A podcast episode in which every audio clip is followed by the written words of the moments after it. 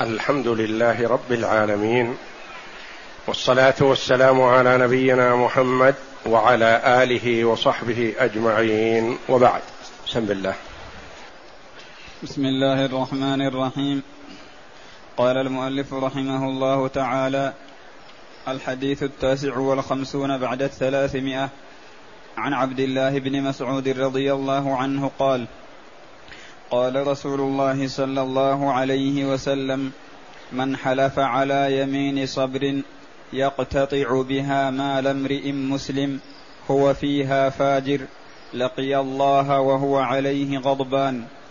ونزلت إن الذين يشترون بعهد الله وأيمانهم ثمنا قليلا. إلى آخر الآية. هذا الحديث عن عبد الله بن مسعود رضي الله عنه قال قال رسول الله صلى الله عليه وسلم من حلف على يمين صبر يمين صبر يقتطع بها مال امرئ مسلم هو فيها فاجر لقي الله وهو عليه غضبان. ونزلت إن الذين يشترون بعهد الله وأيمانهم ثمنا قليلا. إلى آخر الآية. يقول عبد الله بن مسعود رضي الله عنه إن النبي صلى الله عليه وسلم قال من حلف على يمين صبر يمين حلف اليمين بالله أو بصفة من صفاته. صبر الصبر هو الحبس. أي حلف حابسا نفسه على ذلك أو محبوسا عليها يعني مجبر مأمور بأن يحلف أو يقر بالحق يمين الصبر هي التي يقال لها اليمين التي يحبس عليها يصبر عليها المرء يوقف عليها المرء. يقال تحلف وإلا تدفع الحق. كأن يكون اثنان عند القاضي أحدهما يدعي على الآخر بألف ريال. والآخر ينكر. يقول ما عندي شيء. القاضي يقول للمدعي بينتك. أحضر البينة. البينة شاهدان أو شاهد ويمين المدعي. يقول المدعي ما عندي بينة لأني وثقت في الرجل وبعت عليه بثمن مؤجل أو أقرضته أو نحو ذلك. فوثقت به فلم اشهد على هذا. فيقال للمدعي لك يمينه. أتريدها؟ إن أرادها قال نعم أريدها. فيقول القاضي للمدعى عليه إن كان الحق عندك فأده لصاحبه ولا تحلف. يمينا غموس تغمسك في النار تغمسك في الإثم. يقول ما عندي له شيء ولا أحلف. يقول له القاضي أنت مجبر. إما أن تحلف أو تدفع الحق. إن نكل عن اليمين وخاف عقوبة اليمين يقال له ادفع الحق. المدعى به. يقول لا أدفع ولا أحلف نقول لا نحبسه نوقفه نمنعه. نقول أنت بالخيار بين أمرين. إما أن تدفع الحق سواء كان عليك أو ليس بعليك تدفع الحق أو تحلف اليمين هذه فهذه يمين صبر. يعني مجبر عليها مأمور بأن يحلف. ممنوع من الخروج حتى يحلف أو يدفع الحق. يمين صبر. يقتطع بها مال امرئ مسلم. يقتطع بهذه اليمين يعني يحلف يقول والله العظيم ما عندي له شيء. فمعناه كأنه حلف اقتطع بها حق أخيه هذا الألف الذي كان عنده حلف على إنكاره. فاقتطع بهذه اليمين حق ومال أخيه المسلم. وهذا على الغالب وإلا حتى لو كان ذمي أو معاهد أو مستأمن لأن له حرمة ولماله حرمة حتى وإن كان كافر. فلماله حرمة ما لم يكن محاربا. حربي نعم لكن معاهد أو مستأمن أو من أهل الذمة فيجب أن يعطى حقه ولا يظلم. فحرمة ماله كحرمة دمه وكلاهما محرم. والنبي صلى الله عليه وسلم يقول من قتل معاهدا لم يرح رائحة الجنة. هذا في المعاهد فما بالك في المسلم؟ والله جل وعلا يقول وإن أحد من المشركين استجارك فأجره حتى يسمع كلام الله. ثم ابلغه مامنه وصله إلى المكان الذي يأمن فيه على نفسه. لا تفرط فيه. أسلم أو لم يسلم. كان يأتي واحد من المشركين من الكفار يقول أريد أن أدخل البلاد لأسمع القرآن لأنظر إلى تعامل المسلمين فيما بينهم. إلى أنظر إلى أخلاق المسلمين إن أعجبتني دخلت في الإسلام وإلا فأنا على ديني. نقول تعال وادخل. ونعطيه الأمان ويسمع ويطلع ويقرأ ويرى بعينيه. نعطيه مهلة محددة تكفيه.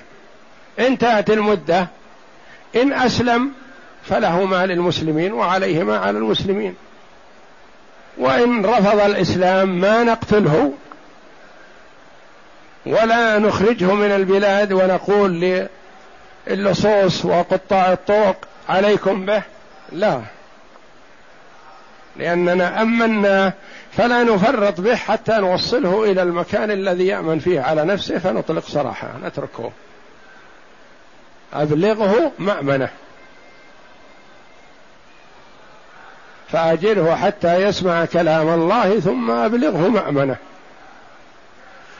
فقوله صلى الله عليه وسلم مال امرئ مسلم هذا على الغالب وإلا حتى مال المعاهد والذمي والمستأمن له حرمة فلا يجوز للمسلم أن يخفره في ماله أو في عرضه أو في دمه.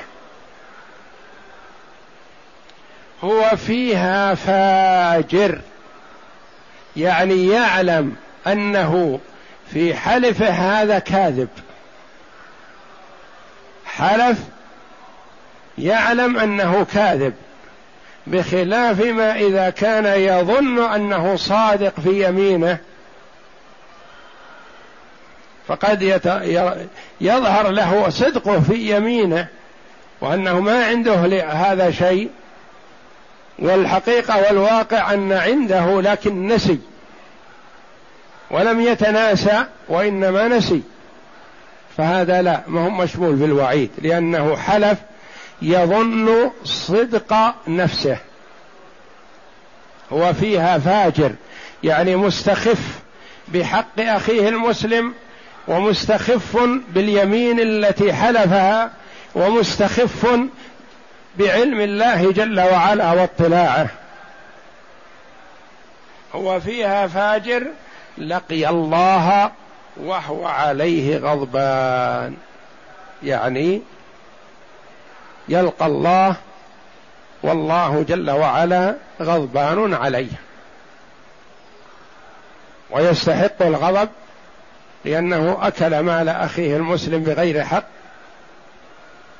لأنه استخف بمال أخيه المسلم لأنه استخف باليمين التي حلفها لأن صاحبه وثق به بالحلف لأنه مستخف فوق هذا وذاك بالله جل وعلا. وكثيرا ما يعاجل هذا في العقوبة. حصل في كثير من الأحيان في المحاكم ما يقوم من مكانه بعدما يحلف. لأنه استخفاف بالله جل وعلا. فيعجل الله جل وعلا عقوبته ليكون عبرة للمعتبرين. لأن الله مطلع. لا تخفى عليه خافه وهو يحلف يقول والله العظيم ما عندي لفلان شيء. والحقيقة والواقع أن عنده والله يعلم ذلك فيعاجله الله جل وعلا بالعقوبة. كثيرا ما يحصل.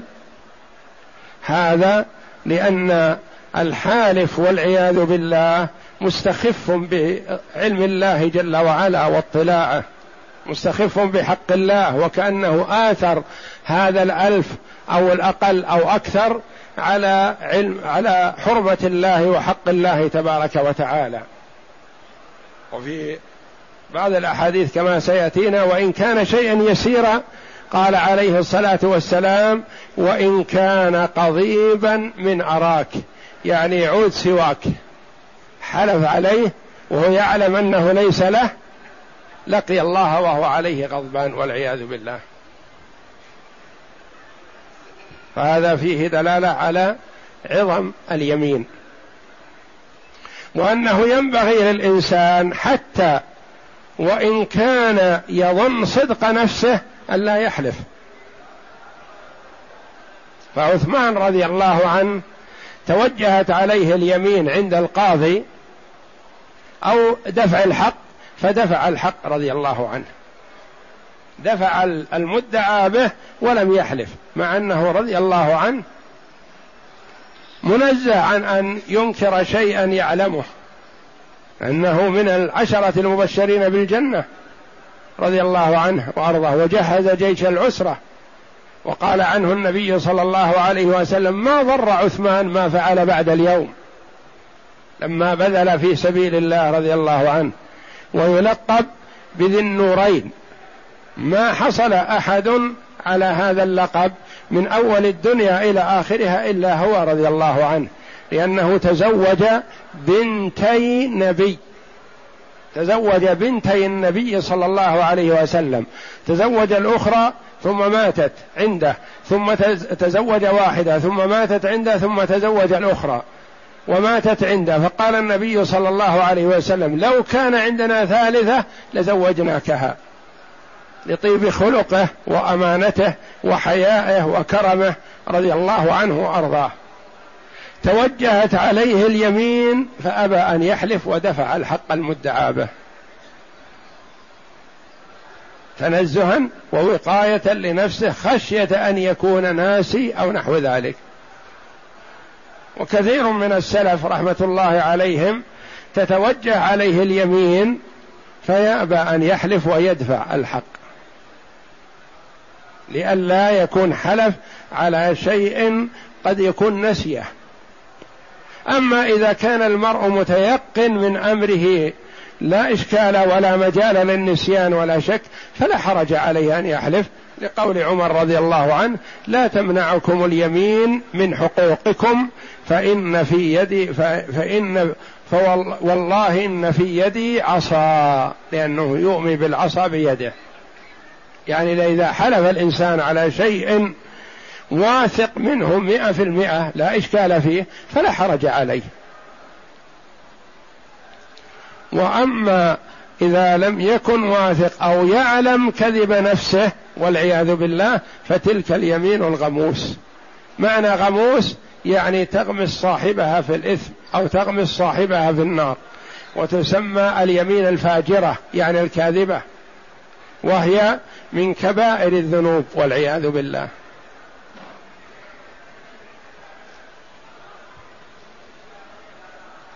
وفي هذا الحديث إثبات صفة الغضب لله جل وعلا على ما يليق بجلاله وعظمته سبحانه وتعالى. فلا يخطر على بال الإنسان أن غضب الله كغضب المخلوق. لا حاشا وكلا. فغضب الله يليق بجلاله وعظمته وغضب المخلوق يناسبه. فغضب الله على ما يليق بجلاله وعظمته سبحانه وتعالى. فعلينا أن نثبت الصفات التي وردت في الكتاب والسنة لله جل وعلا. وإثبات الصفات لله على الكتاب والسنة فقط. لا مجال للإجتهاد ولا للرأي ولا لل للقياس ولا لغير ذلك. إنما هو الكتاب والسنة. الصفة ثبتت في الكتاب والسنة نعم. ما لم يثبت في الكتاب والسنة فلا نقبله.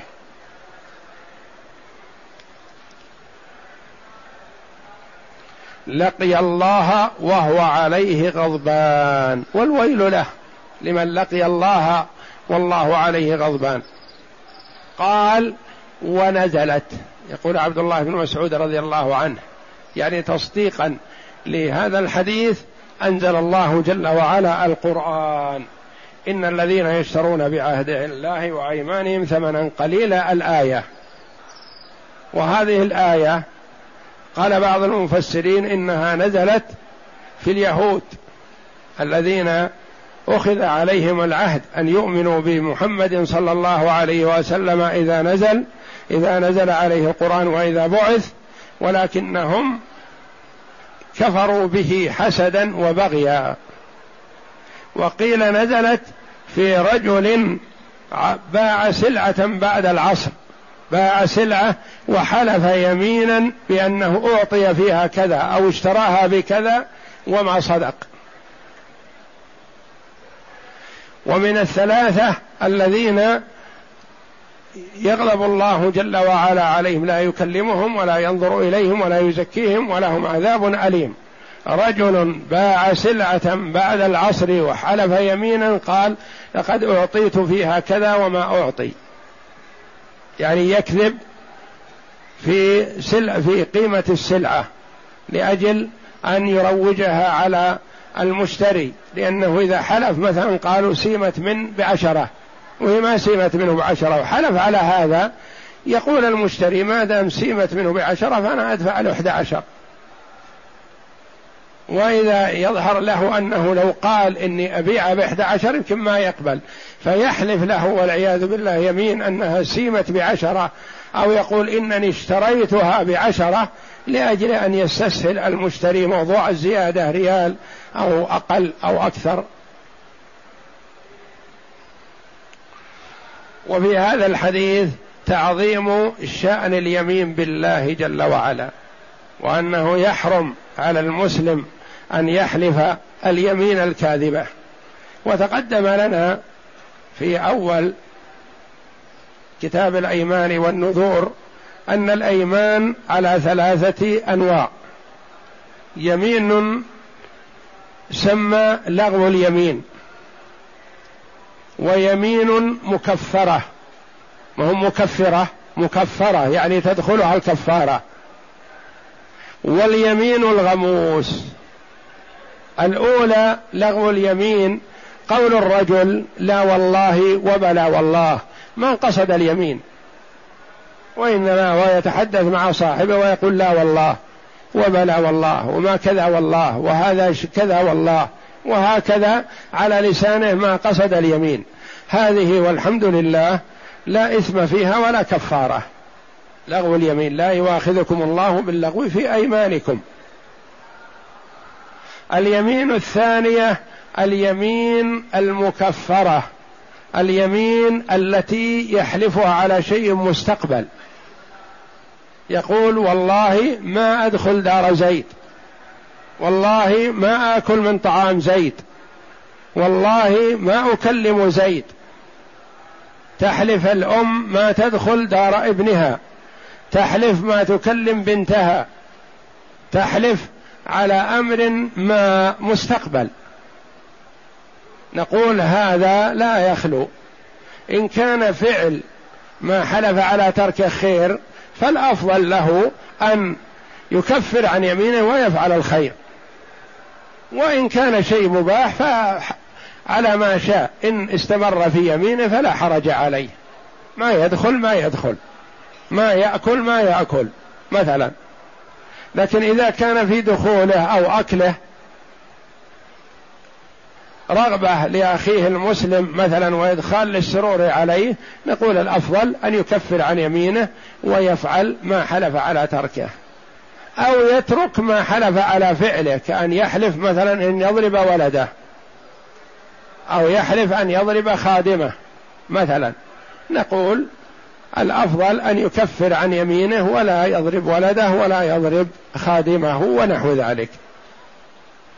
هذه اليمين التي تدخلها الكفارة وهي على الشيء المستقبل هو على شيء ماضي على شيء مستقبل.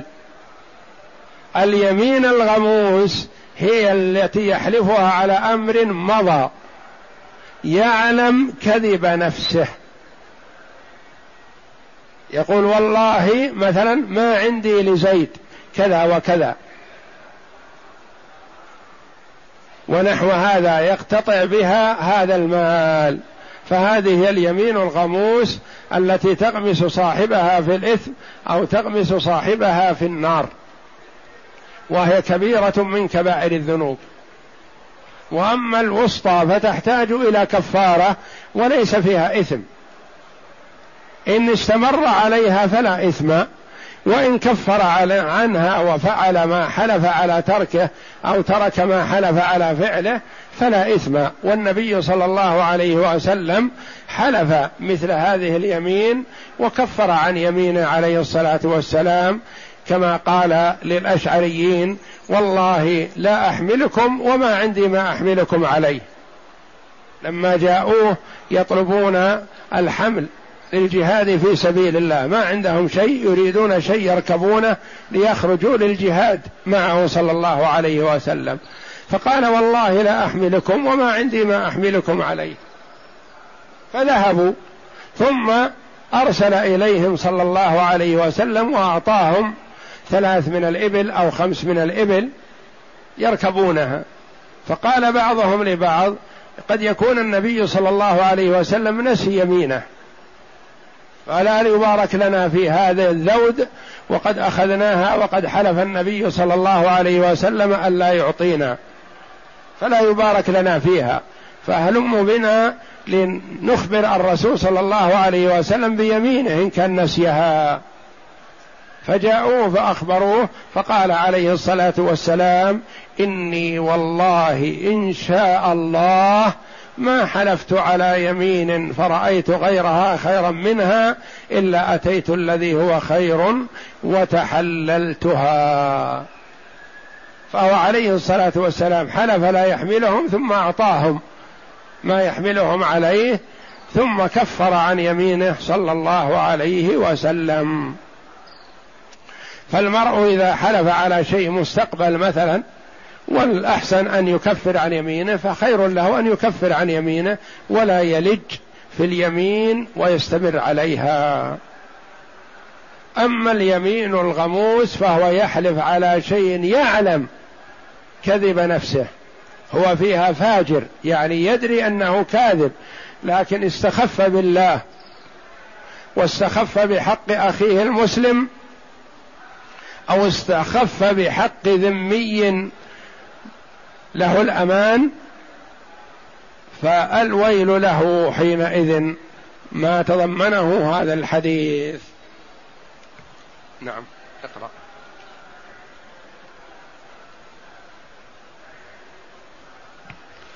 الغريب يمين صبر بإضافة يمين إلى صبر. وصبر هو بفتح الصاد وسكون الباء الموحدة والصبر الحبس. يعني أنه مجبر عليها محبوس عليها أنك تحلف ولا تدفع الحق. وحلفه يعلم أن الحق عنده. نعم. وصفت اليمين بالصبر تجوزا لأن الحبس وقع على الحالف المصبور عليها الملزم بها.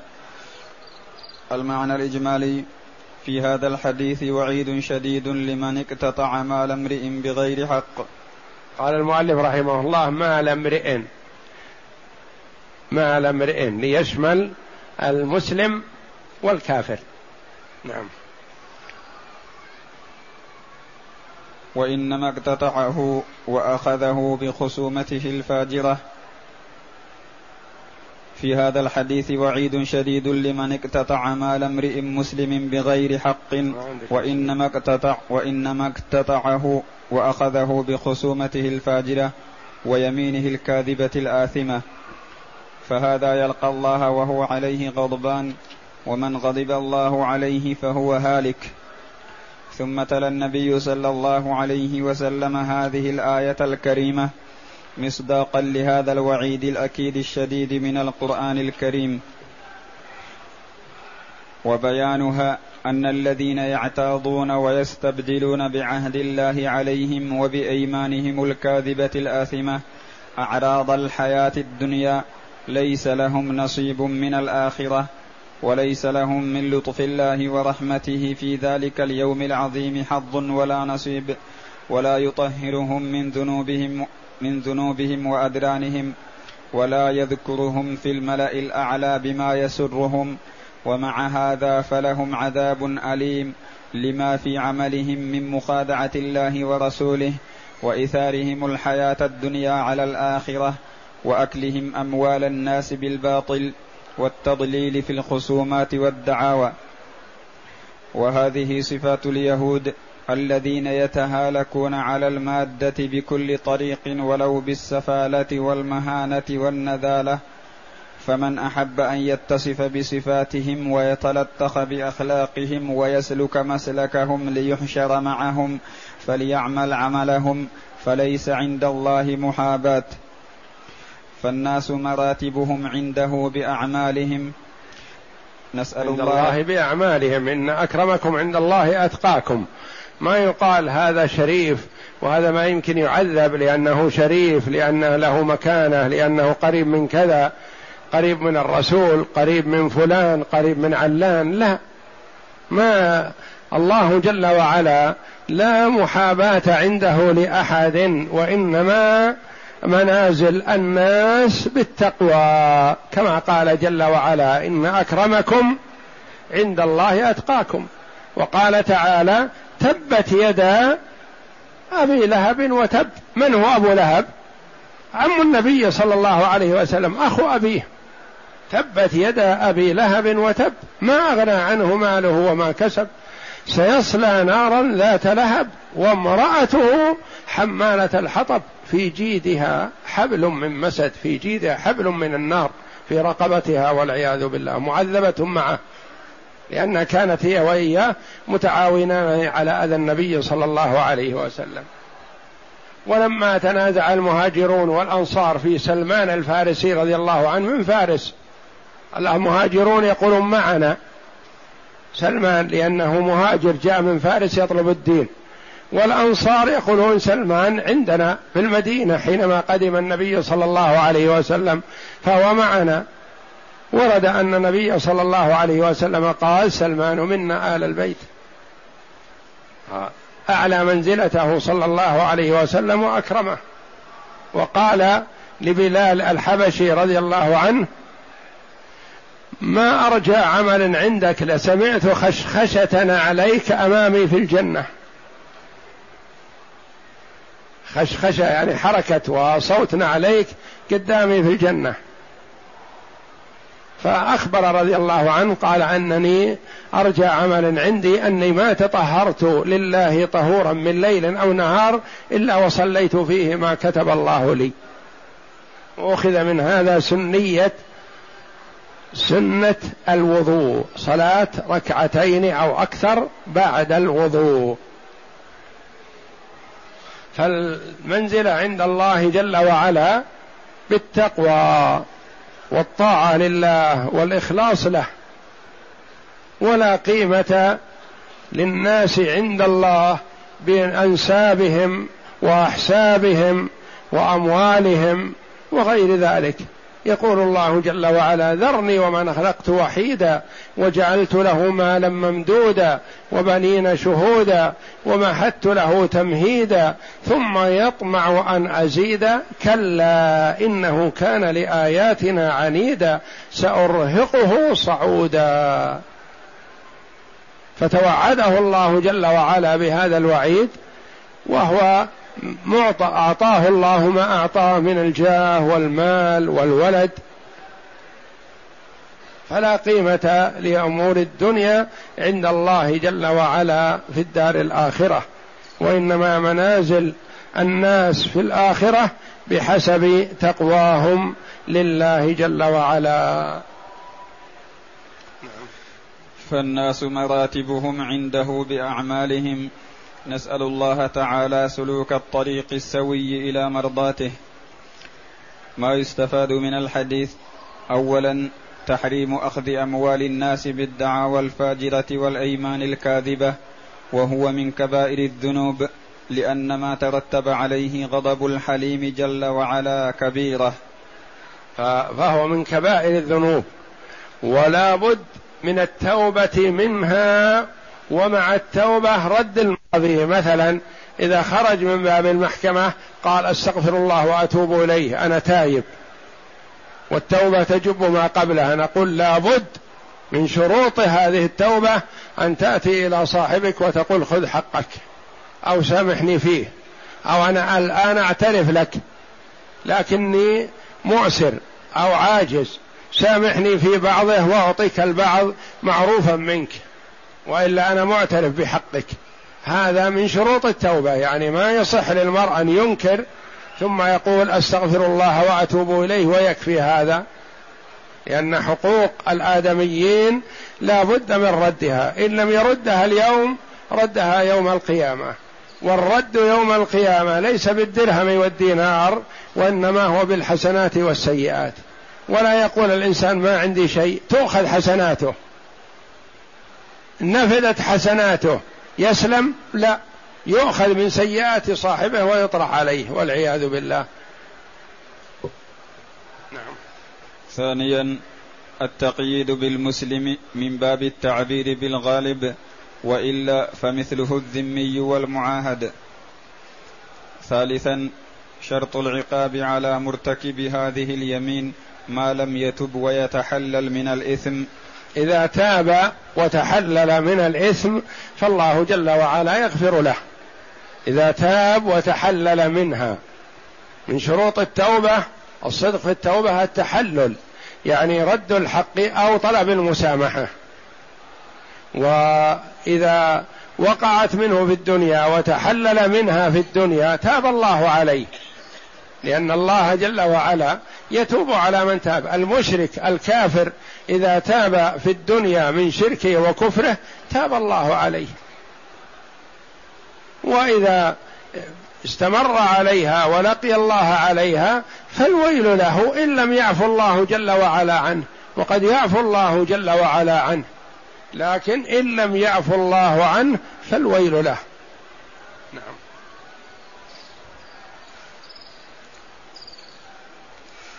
فإن تاب. فإن تاب فالتوبة تجب ما قبلها وهو إجماع العلماء. يعني بإجماع العلماء أن التوبة تجب ما قبلها ورد التائب من الذنب كمن لا ذنب له. لكن لكل ذنب شروط في توبة منه. لابد من الشروط. إذا كانت تتعلق بحق الله جل وعلا فشروط صحة التوبة ثلاثة. الإقلاع عن الذنب والندم على ما مضى والعزم على ألا يعود. هذه ثلاثة. فإذا كانت المظلمة تتعلق بحق آدمي فلا بد من رد الحق إليه أو استحلاله وإلا يبقى. نعم. رابعا قوله فيها فاجر ليخرج الناس والجاهل فإن الإثم والجزاء لا يستحقهما إلا العامد. خامسا إثبات صفة الغضب لله تعالى على وجه يليق بجلاله تعالى ليس كمثله شيء وهو السميع البصير. سادسا تفسير هذه الآية الكريمة بهذه القضية وهو تفسير مرفوع فيكون الحديث مبينا لمعناها موضحا للمراد منها. سابعا ملخص معنى الآية الكريمة أن من استبدل بأيمانه بالله ورسوله ونكث بما أخذ عليه بما أخذ عليه من الأيمان الوثيقة الحياة الدنيا وأعراضها. استبدل بالأيمان الحياة الدنيا. استبدل بكذا كذا. يعني آثر الحياة الدنيا آثر المال على الوفاء بالعهد الذي أخذ عليه. فقد خاب جعل شرطتين بينها بين هذا الكلام المعترض. ملخص معنى الآية الكريمة أن من استبدل بأيمانه الحياة الحياة الدنيا يعني أخذ الحياة الدنيا بدل اليمين الصادقة. ملخص معنى الآية الكريمة.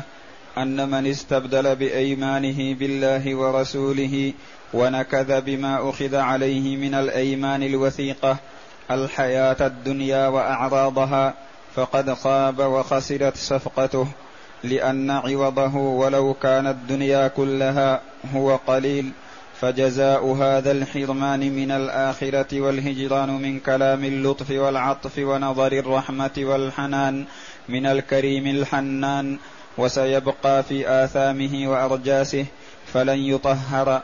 ومع هذا فلن يترك. فإن له عذابا اليما.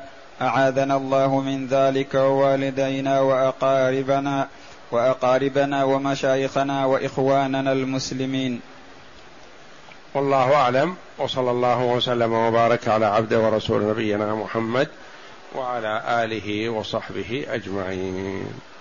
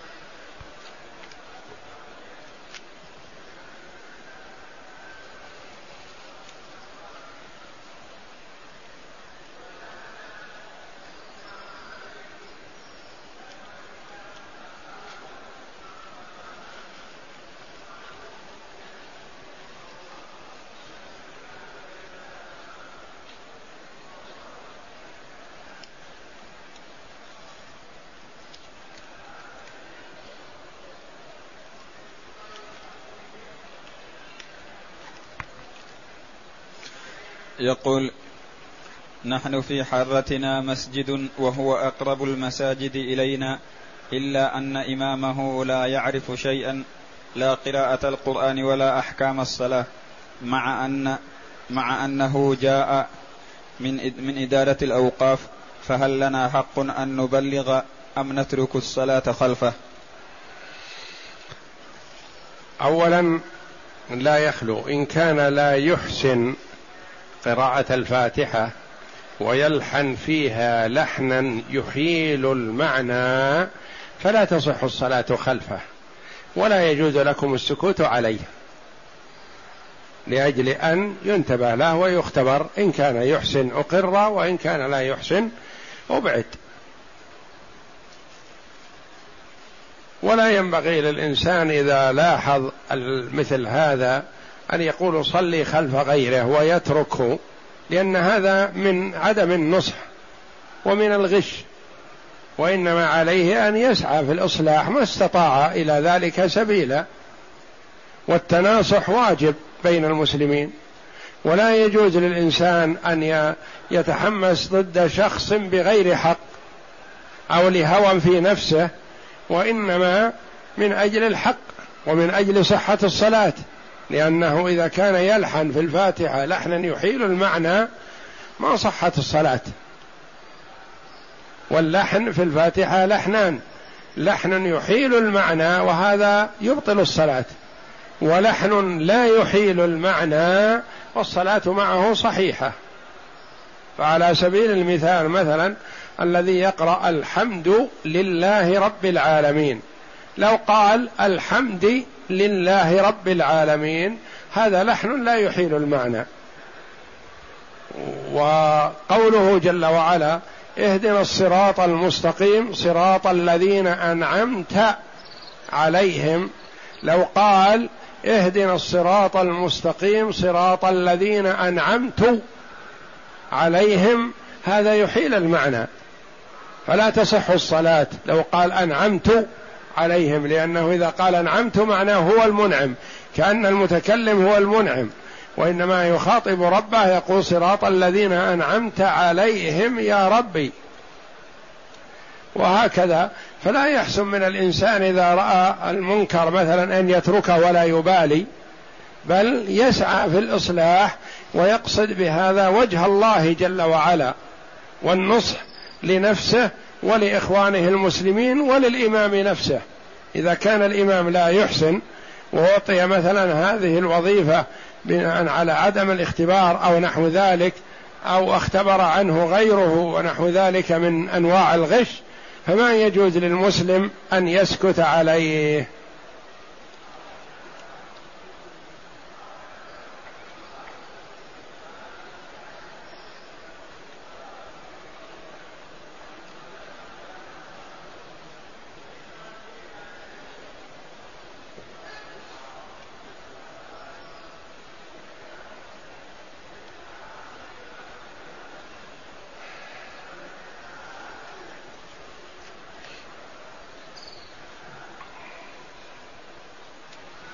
يقول هل تصلى الركعتان بعد أذان الجمعة الأول؟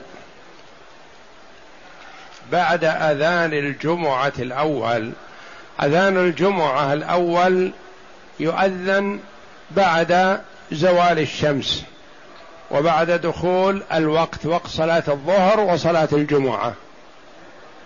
فالوقت حينئذ وقت نافلة. ليس وقت نهي. وهذه الركعتان لا يعبر عنهما بأنها راتبة ولا سنة مؤكدة وإنما هي جائزة. يعني إن صليت فحسن وإن لم تصلي فلا بأس. ولا تعتبر من السنن الرواتب لأن الجمعة لا راتبة لها قبلها وإنما راتبة الجمعة بعدها فلا ينهى من صلى ولا يؤمر بها لأنها ليست براتبة ولا سنة مؤكدة وإنما هي صلاة جائزة. ولا تدخل في قوله صلى الله عليه وسلم بين كل أذانين صلاة بين كل أذانين صلاة بين كل أذانين صلاة لمن شاء. هذه الأذانان المرادان في الحديث هما الأذان والإقامة. يعني إذا أذن لصلاة المغرب فيستحب أن تصلي بين الأذان والإقامة ركعتين. أذن لصلاة العصر يستحب أن تصلي بين أذان العصر وإقامة الصلاة ركعتان. أما أذان الجمعة الأول فهذا ليس هو المقصود بالأذانين وإنما هذا الأذان الأول شرعه عثمان رضي الله عنه. لما اتسعت المدينة وكثر الناس أمر بالنداء الأول من أجل أن يتهيأ الناس لصلاة الجمعة. تقول ماتت امرأة وخلفت أخا وأختا أشقاء وبنت وأم وأختا من الأب كيف تقسم التركة؟ ماتت وتركت أخ وأخت اشقاء وبنت وأم وأخت من الأب. الأم في هذه الحال لها السدس والبنت لها النصف والباقي للأخ والأخت الأشقاء وليس للأخت من الأب شيء. فالمسألة حينئذ من ستة للأم واحد من ستة وللبنت ثلاثة من ستة النصف ويبقى اثنان للأخ والأخت من الأشقاء للذكر مثل حظ الأنثيين.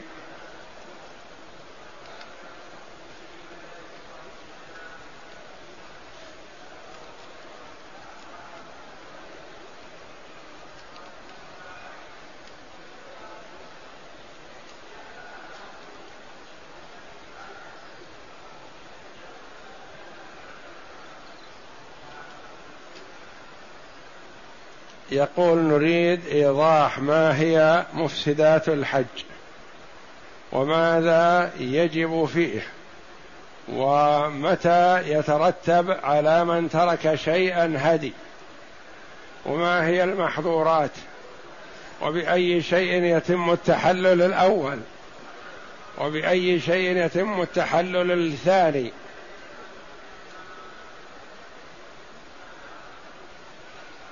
إلى آخر سؤاله. هذا منسك كامل. وإن شاء الله يكون في أيام الحج. إن شاء الله.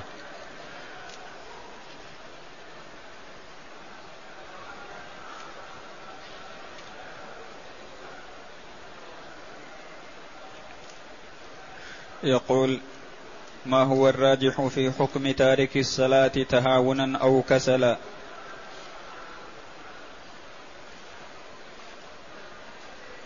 حكم تارك الصلاة تهاونا وكسلا. العلماء رحمهم الله فيه قولان. أحدهما وهو الراجح الذي اختاره جمع من المحققين أنه كافر. يستتاب فإن تاب وإلا قتل كفرا.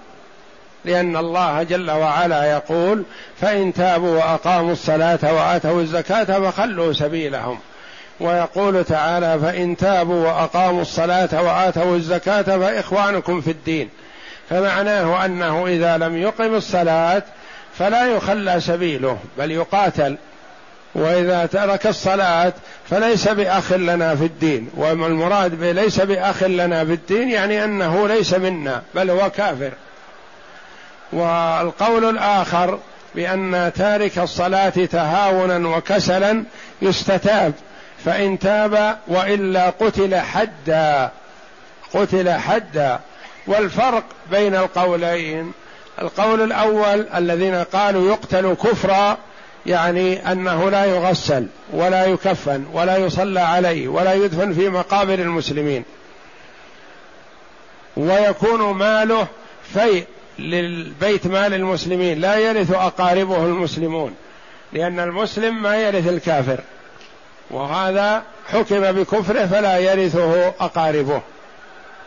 القول الآخر أنه يقتل لكن يقتل حدا مثل حد الزنا في مثلا الزاني المحصن. يقتل يرجم حتى يموت وهو مسلم يغسل ويصلى عليه ويدفن في مقابر المسلمين ويرث أقاربه المسلمون. فيكون قتله على القول الآخر حدا لا كفرا. واختار جمع من العلماء أن تارك الصلاة كافر لهذه الآية وللأحاديث ولقوله صلى الله عليه وسلم العهد الذي بيننا وبينهم الصلاة فمن تركها فقد كفر. بين الرجل وبين الكفر أو الشرك ترك الصلاة.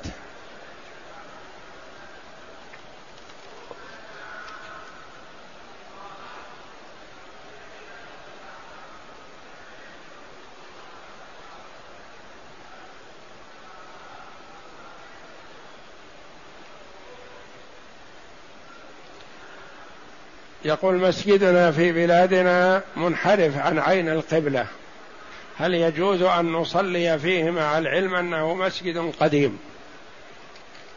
ما ينبغي النظر في المساجد القديمة التي صلي فيها سنوات عديدة أو مئات السنين إلا عن شيء يقين. فإذا تيقن أن فيه شيء من الانحراف فيعدل إلى جهة القبلة.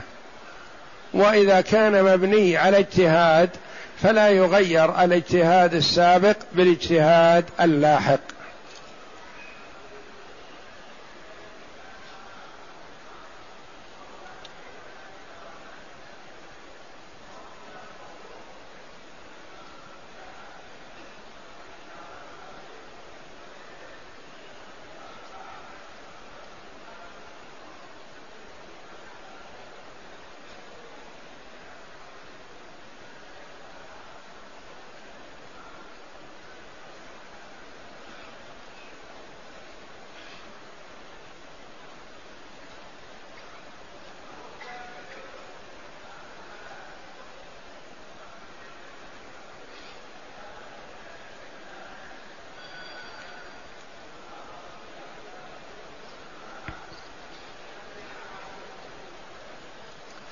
يقول المسافر في الفلاة هل يجب عليه الأذان والإقامة للصلاة أم تكفيه الإقامة؟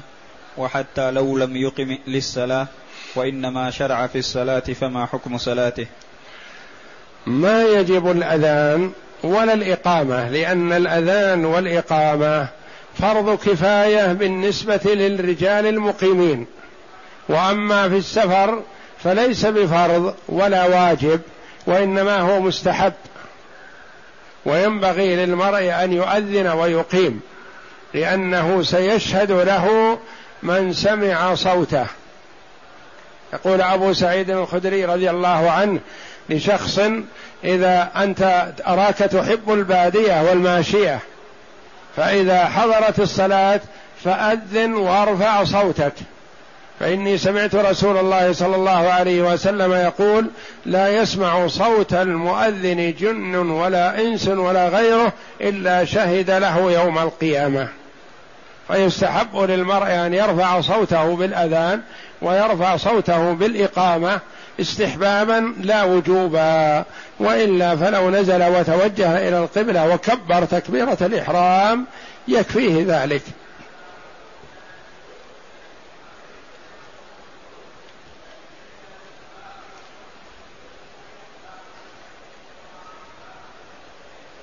يقول حلفت ألا أدخل دار جاري لخلاف بيننا. وفي آخر الأيام دعاني للدخول إلى داره فدخلت استحياء منه. فهل كان الواجب أولا أن أكفر عن يميني ثم أدخل أم يجوز تأجيل الكفارة؟ خيرا فعلت في استجابتك لجارك بدخول داره. وعليك كفارة اليمين. ولا حرج عليك أن تكفر قبل الدخول أو بعد الدخول ما في حرج الأمر فيه سعه ولله الحمد. فمثلا حلف لا يدخل دار جاره مثلا ثم دعاه فأحب أن يدخل نقول ادخل يقول ما كفرت عن يميني نقول لا حرج تكفر بعد ذلك. فالتكفير عن اليمين يصح قبل الحنث وبعد الحنث.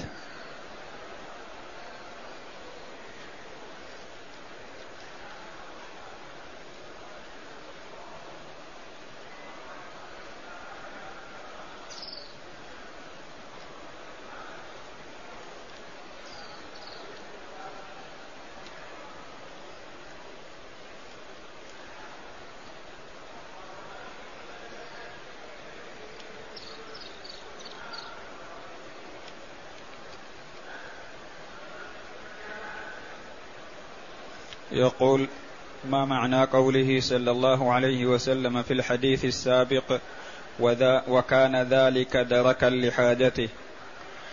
وكان ذلك يعني الاستثناء أقرب لحصول ما حلف من أجله. يقول والله إن شاء الله لأفعلن كذا وكذا. لو فعل مثلا فليس عليه شيء أو لم يفعل فليس عليه شيء. ولو حلف واستثنى في يمينه يكون أرجى في أن يحصل له ما حلف من أجله. كقول سليمان على نبينا وعليه أفضل الصلاة والسلام لأطوفن الليلة على تسعين امرأة تلد كل واحدة منهن غلاما يقاتل في سبيل الله. يقول عليه الصلاة والسلام لو قال إن شاء الله لم يحنث. يعني حصل ما حصل أو لم يحصل. ما حنث. ولا وكان دركا لحاجته يعني أقرب لأن يحصل له ما أراد. لكن الله جل وعلا لحكمة صرفه عن ذلك فلم يقل إن شاء الله فلم تلد. واحدة منهن إلا واحدة ولدت نصف غلام. ونصف الغلام لا يقاتل في سبيل الله.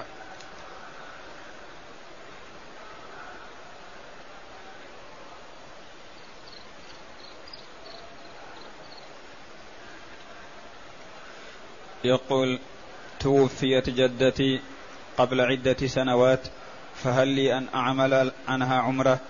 علما أن أبناءها على قيد الحياة وإن جدتي هي أم أمي وأنا أريد أن أقوم بذلك من أجل رضا الله ثم رضا والدتي. لك أن تعتمر عن أبيك وعن أمك وعن جدك وجدتك ومن شئت من أقاربك. الحي لا تعتمر عنه إلا بشرطين أن يعلم قبل أن تدخل في النسك وأن يكون غير قادر على الوصول إلى مكة. في هذه الحال تعتمر عنه. وأما الميت فتعتبر عنه متى شئت.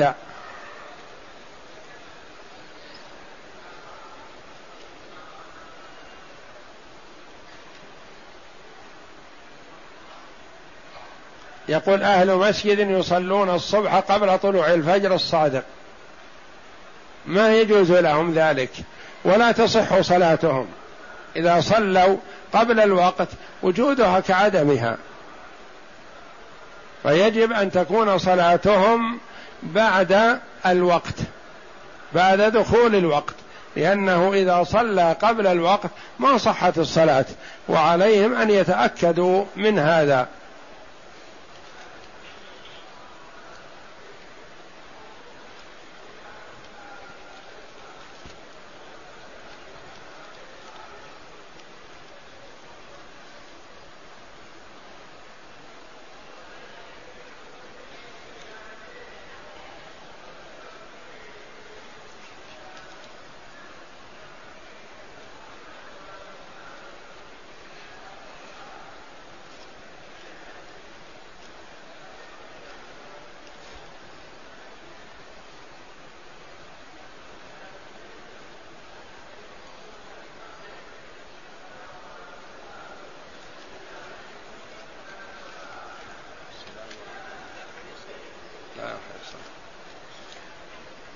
يقول وكلت شخصا بأن يوزع خبزا للصائمين في الحرم فوزع شيئا وأخذ منه شيئا. هل يجوز له ذلك؟ ما يجوز له. إذا وكل في توزيع هذا الشيء فلا يجوز له أن يأخذ منه شيء. إلا إذا قال لصاحبه أنا من المستحقين هل آخذ أو لا؟ وأما أن يقال له وزع هذا الشيء فلا يأخذ لأنه إذا أخذ ما وزع هو مأمور بالتوزيع.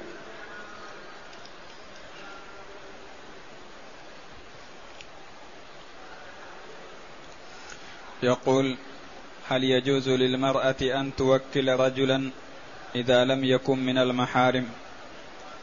نعم يجوز للمرأة أن توكل في البيع أو الشراء أو غير ذلك من الأمور العامة أو الخاصة سواء كان محرم أو غير محرم. ما يشترط في الوكيل عن المرأة أن يكون محرما لها.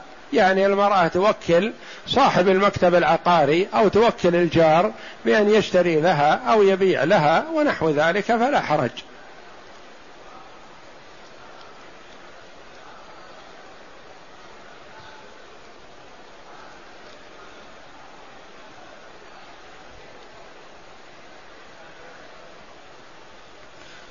يقول ما حكم الحلف بالمصحف؟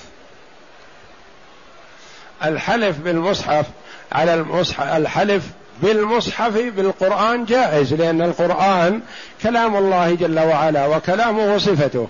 وإذا كان قصد السائل الحلف وهو يضع يده على المصحف فهذا من زيادة توثيق اليمين. مثل أن يقال مثلا يحلف بعد العصر. في المسجد أو في الجامع أو حول الكعبة هذا من التوثيق ومن زيادة آه، قوة اليمين. فلا بأس بهذا.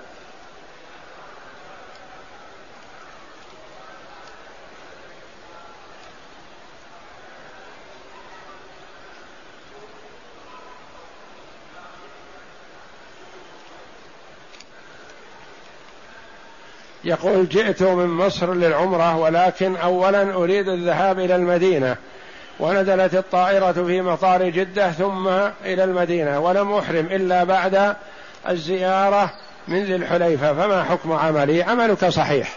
ما دام نزلت في مطار جدة وأنت ما تريد مكة وإنما تريد جدة ومن جدة تريد المدينة. ثم ذهبت إلى المدينة وأحرمت من ميقات أهل المدينة فلا شيء عليك وعملك صحيح.